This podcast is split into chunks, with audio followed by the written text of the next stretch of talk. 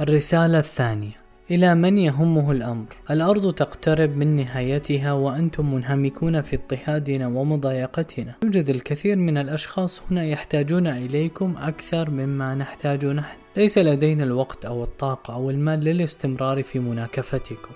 نحتاج إلى الوقت لكسب المال لعائلتنا تماما كما تحتاجون. يمكنكم العثور على آخرين لكسب المال من ورائه. نحن فقط نخسر المال معكم. لدي أشياء من الأفضل أن أفعلها بدلا من أن أضيع وقتي في كتابة هذه الرسالة. لماذا تتنمرون علينا وتهددوننا؟ لم نعد بحاجة إلى مساعدتكم بعد الآن. يرجى تركنا وشأننا حتى نتمكن من الاستمرار كقدوة جيدة وملتزمة لطفلنا المحبوب الذي طال انتظاره. لا يمكننا العيش بدون وجوده. لا تقلقوا سيكون شخصا ملتزما بالقانون محترما متعاطفا اجتماعيا سعيدا رصينا غير مدخن قويا وذكيا صحيا ملتزما منتجا مطيعا. حسنا.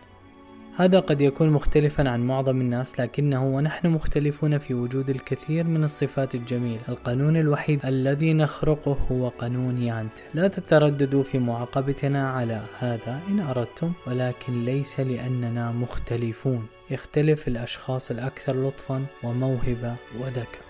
الرسالة الثالثة. من ديفيد ماكلين إلى لجنة الخدمات الاجتماعية والمسنين كيف تجرؤون على أخذ طفلنا منا؟ لابد أن يكون لديكم قلوب من الحجر ألم تفكروا في عواقب ذلك على عائلتنا وطفلنا؟ لكنكم مشهورون ببراعتكم في تدمير الأطفال والعائلات في الوقت الذي تقضونه مع أطفالكم في المنزل ودور الرعاية ما الذي يجعلكم تعتقدون أنكم أفضل الآن من ذي قبل؟ إنها نفس الحساسية وإساءة استخدام السلطة إذا وافقنا على السماح لطفلنا بالذهاب بعيدا فإنك تكون قد دهستنا بجهازك الثقيل الكبير الذي يحطم حياتنا إلى أشلاء كيف يمكنكم أن تفعلوا هذا بنا.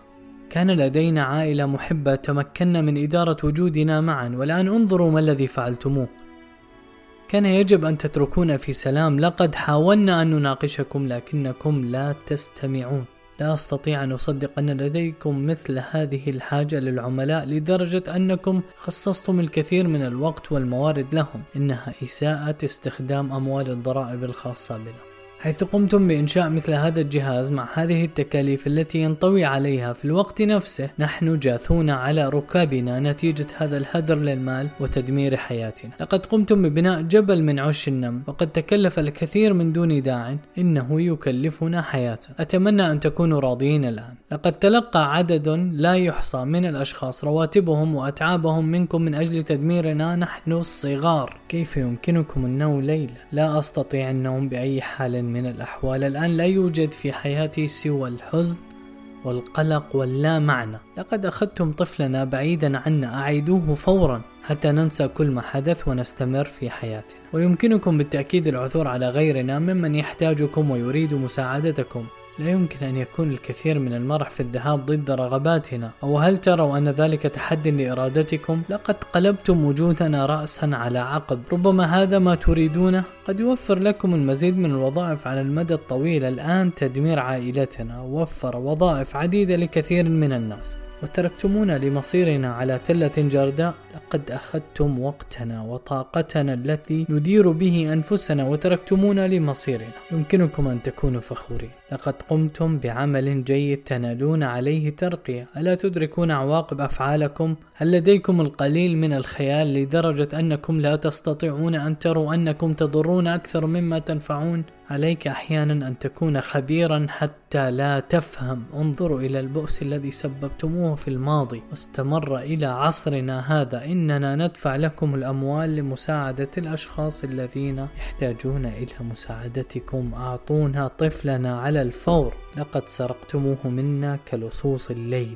هل هذا ممكن أن يحدث في السويد اليوم؟ نعم حدث. لو كنت أعلم ذلك لما ضحيت بحياتي من أجل هذا البلد لأكثر من أربعين عاما. وجبت السويد من يستاد إلى هابراند. ووقعت في حب الطبيعة وأعجبت بالشعب السويدي ومجتمعها. الآن يتم تدمير وتخريب وجودنا.